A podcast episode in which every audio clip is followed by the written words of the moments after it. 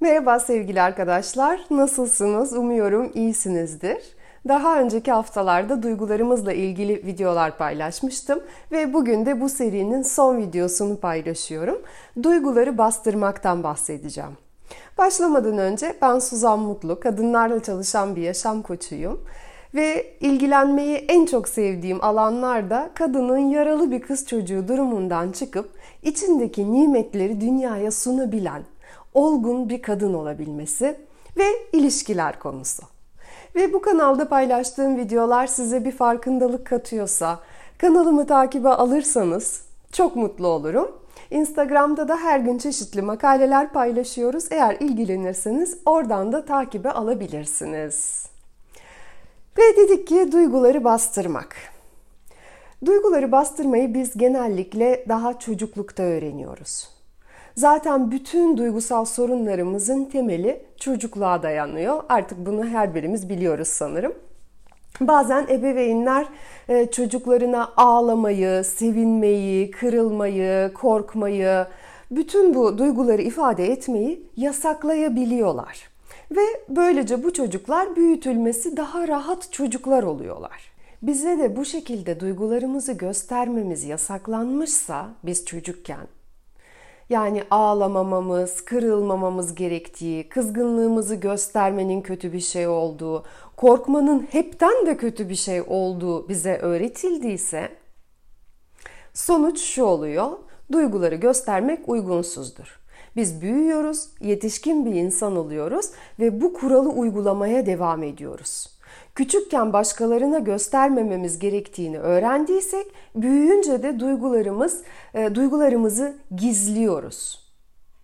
Ve bunun sonucunda tabii ki bir takım davranış modelleri geliştiriyoruz. Susmak, içine atmak, duyguyu hissediyorken onu başka bir duygu gibi göstermek, e, duyguları saklamak yani maske takmak, poker face diye bir tabir vardır e, kağıt oyunları oynarken yüzdeki tepkiden e, bir şey belli olmasın diye oyuncular ifadesiz bir surat takınıyorlar. Oradan çıkmış olan bir tabir. Ve işte duygularımızı biz bastırırsak poker face birer insan oluyoruz. İfadesiz yüzlü birer insan. Oysa belki o anda bizim içimizde fırtınalar kopuyor. Ve şimdi artık biz duygularımızı bastırmanın iyi bir şey olmadığını biliyoruz. Ancak bugüne gelene kadar bu bir erdem bile sayılıyordu. Ama bastırılmış duygu hiçbir yere gitmiyor. O bizim bilinçaltımızda kalıyor ve genellikle olabilecek en uygunsuz zamanda pat diye ortaya çıkıveriyor. Ve üstelik orada uzun zaman biriktiği için çıktığında da çok şiddetli bir şekilde ortaya çıkıyor. Ve duygular enerjidir, güçtür.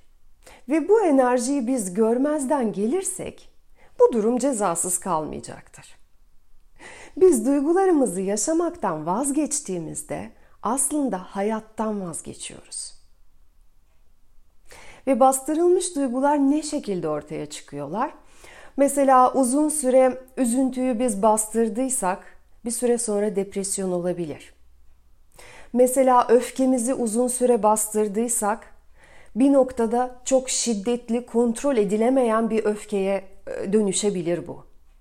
Bastırılmış korku mesela daimi rahatsız edici bir kaygıya yol açar uzun süre bastırıldıysa. Yani bastırılmış duygular bizde psikolojik sorunlara yol açarlar. Ve hatta bunun daha da ötesi var. Fiziksel hastalıklara yol açarlar. Peki biz insanlar neden duygularımızı bastırıyoruz? Çünkü biz kontrolü kaybetmekten korkuyoruz. Bir duyguyu ifade ettiğimizde ortaya çıkacak durumla başa çıkamamaktan korktuğumuz için bastırıyoruz. Hayatımızdaki önemli ilişkileri kaybetmekten korkuyoruz. Sahip olduğumuz maddi bir takım şeyleri kaybetmekten korkuyoruz. Pozisyonumuzu, prestijimizi kaybetmekten korkuyoruz. Toplumdan veya içinde bulunduğumuz daha küçük olan topluluktan dışlanmaktan korkuyoruz. Olduğumuz gibi bu özelliklerle kabul edilmeyeceğimizden korkuyoruz. Ve bastırıyoruz, bastırıyoruz, bastırıyoruz. Ve biz genellikle e, bize tatsız hissettiren duyguları bastırmaya çalışıyoruz. Aslında bastırmak istediğimiz onlar. Fakat bizim sadece onları bastırmamız mümkün değil. Biz onlarla beraber güzel olan duyguları da muhakkak ki bastırıyoruz. Öfkeyi, üzüntüyü bastırdıkça sevinci ve sevgiyi de bastırıyoruz. Ve dedik duygular enerjidir ve enerji her zaman akar. O hareket eder. Ve biz bastırırsak öyle bir an gelir ki gayet masum olan bir durum bile bizi tetikleyebilir ve bir anda bastırılmış olan o bütün duygular bomba gibi patlayabilir ve etrafımızdaki her şeyi yakıp yıkabiliriz. Ve bu yakıp yıktığımız ortamda genellikle bizim yakınlarımız, sevdiklerimiz bulunur. Ve bizim bu insanlarla olan ilişkilerimiz ciddi hasarlar alabilirler. Ve bastırılmış duyguların diğer önemli ortaya çıkış şekli de psikosomatik rahatsızlıklar. Yani e, bizim bedenimiz, organlarımız hasta oluyor bunlar bastırıldıkça. Bu nasıl oluyor? Biz bir duyguyu hissediyoruz. O veya bu sebepten dolayı onu yaşamamaya ve bastırmaya karar veriyoruz. Fakat her bir duygu bizim bedenimizin belirli yerlerinde bloke olur. Hatta bunun için Louis Hay'in Düşünce Gücüyle Tedavi kitabını e, önerebilirim. E, hangi duygu düşüncelerimizin hangi organlarımızda hastalık oluşturduğunu anlatmıştır o. Hatta internette bile aratırsanız bulabilirsiniz. Benim şuramda şöyle bir rahatsızlık var. Bunun psikolojik nedeni ne olabilir diye yazdığınızda e, Google'da size bunu söyleyecektir. Ve biz duyguyu bastırdık. Bloke oldu bizim bedenimizde ve orada ilgili olan kaslar kasılır. Kendimize kendimizi ifade etmeyi yasakladığımızda biz bu şekilde duyguları bedende kasılma olarak biriktiririz. Ve bazen öyle olaylar olur ki bizim psikolojimiz bununla başa çıkmaya hazır değildir ve böyle durumlarda biz unuturuz. Olayı unuturuz. Başımıza böyle bir şey geldiğini unuturuz. Bastırdığımızda bunu farkındalıkla yaparız. O tarafa doğru bakmak istemeyiz ama biliriz orada olduğunu. Bu duyguyu şu anda burada ifade etmem yanlış diyerek bastırırız. Fakat az önce bahsettiğim durumda ise farkında olmadan biz bunu unuturuz. Bu bizim savunma mekanizmamız. Psikolojik savunma mekanizmamız bizim e, bu şekilde psikolojimiz kendisini koruyor suçluluk hissi, dehşet, kızgınlık o kadar şiddetli olabilir ki bu duygular bilinçli tarafımızdan ayrılırlar ve bilinç dışımız bizi korumaya alır. O yaşadığımız travmatik olayla ilgili hiç ama hiçbir şey hatırlamayabiliriz. Ve bazen bu hatırlamama birkaç gün sürebilir, bazen birkaç ay sürebilir, bir birkaç yıl sürebilir veya bir ömür bile sürebilir. Unuturuz. İşte bunlar reddedilmiş duygular.